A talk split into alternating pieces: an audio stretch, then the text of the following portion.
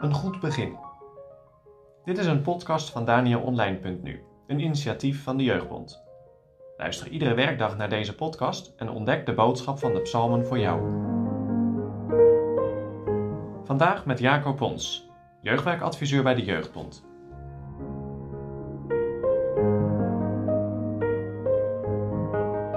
We lezen vandaag Psalm 26. Ik ben onschuldig. Een psalm van David. Doe mij recht, heren, want ik wandel in mijn oprechtigheid. En ik vertrouw op de heren, ik zal niet wankelen. Proef mij, heren, en verzoek mij. Toets mijn nieren en mijn hart. Want uw goede tierenheid is voor mijn ogen, en ik wandel in uw waarheid. Ik zit niet bij ijdele lieden, en met bedekte lieden ga ik niet om. Ik haat de vergadering van de boosdoeners, en bij de goddelozen zit ik niet.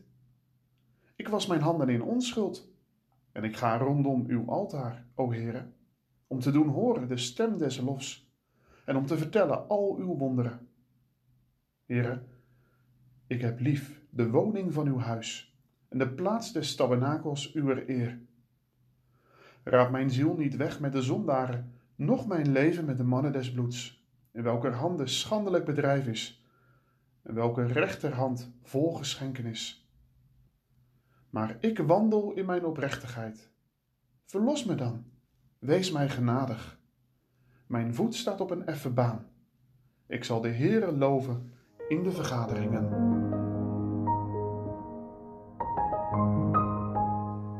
Ik heb gedaan wat kwaad is in uw oog. Vergeef mij al mijn zonden. Ik bekende, o Heer, aan u oprecht mijn zonde. Het zijn allemaal psalmen waarin de schuld en de zonde worden beleden. Het zijn bekende psalmen die vaak geciteerd worden. Misschien ook wel logisch, omdat we ons daar zo goed in herkennen. Ik tenminste wel. Als je ziet hoe je jezelf gedraagt ten opzichte van God, dan blijft er toch alleen maar een schuldbeleidenis over. Maar in Psalm 26 gebeurt het tegenovergestelde. David zegt: Ik ben onschuldig. Ik doe helemaal niks verkeerd. Ik wandel in oprechtheid. Dat zijn best grote woorden, vind je niet? Hij zegt zelfs tegen de Heer: Beproef me maar, onderzoek me maar, toets mijn nieren. David zegt dus eigenlijk: Kijk maar heel diep in mijn hart. Kijk maar, heren, want er is niets verkeerds in mijn hart. Kun jij dat David nazeggen? Durf jij tegen de Heere te zeggen: Kijkt u maar diep in mijn hart, want daar vindt u echt niets verkeerds. Daar vindt u geen zonde. Hoe kan David dit dan bidden? Heeft David dan geen enkele zonde? Uit andere psalmen blijkt wel het tegenovergestelde. Denk maar aan de psalmen die ik net al noemde. Nee, David is geen mens zonder zonde. Hij is geen volmaakte. En toch noemt hij allerlei dingen die hij niet doet. Hij zit niet bij ijdele, valse mensen. Hij gaat niet om met huigelaars. Hij komt niet bij mensen die veel kwaad en zonde doen. Hij houdt zich ver van de goddelozen. Hij zegt zelfs: Ik was mijn handen in onschuld. Weet je, toen ik dit allemaal las, moest ik denken aan de gelijkenis van de tollenaar in de tempel.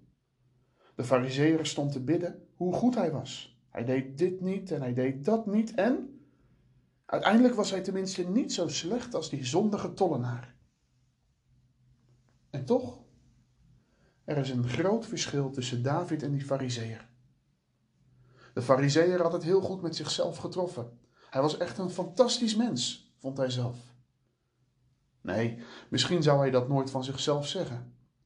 Maar het geheim van David ligt ergens anders. Zijn onschuld ligt niet in hemzelf. Zijn onschuld ligt in de Heere. Ik vertrouw op de Heere. Want uw goede tierenheid, zegt vers 3, is voor mijn ogen. Alleen omdat David heel dicht bij de Heere leeft, kan hij zeggen dat hij onschuldig is. Dat is een grote les voor jou en voor mij. Hoe dichter je bij de Heere en zijn woord leeft, hoe oprechter je bent. Ja, een schuldbelijdenis bidden is makkelijker, want het bevestigt ons in het zondaar zijn. Paulus zegt het in Romeinen 7. Ik, ellendig mens. Dat zijn vertrouwde woorden. Daar herkennen we onszelf in. Misschien ben je er zelfs aan gewend geraakt en bid je uit gewoonte elke dag: Vergeef mijn zonde van deze dag. Maar God heeft jou en mij niet geschapen als zondaren. En daarom is deze belijdenis van onschuld misschien wel veel confronterender. God heeft ons geschapen om tot Zijn eer te leven, Hem te loven, Hem te prijzen, om oprecht en eerlijk voor en met Hem te wandelen. Laat dat eens tot je doordringen vandaag. En berust niet in het feit dat je zondaar bent. Ja, dat blijf je tot het laatste moment. Maar Paulus blijft niet hangen bij Romeinen 7, maar hij zingt het uit in hoofdstuk 8. Zo is er geen verdoemenis voor degenen die in Christus Jezus zijn.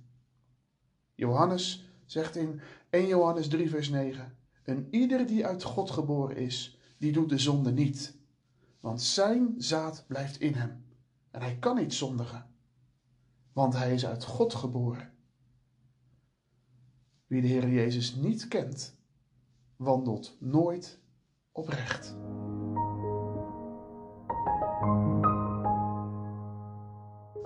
Ik las de uitspraak: Groot denken van de zonde kan een verhindering worden om groot te denken van de zoon.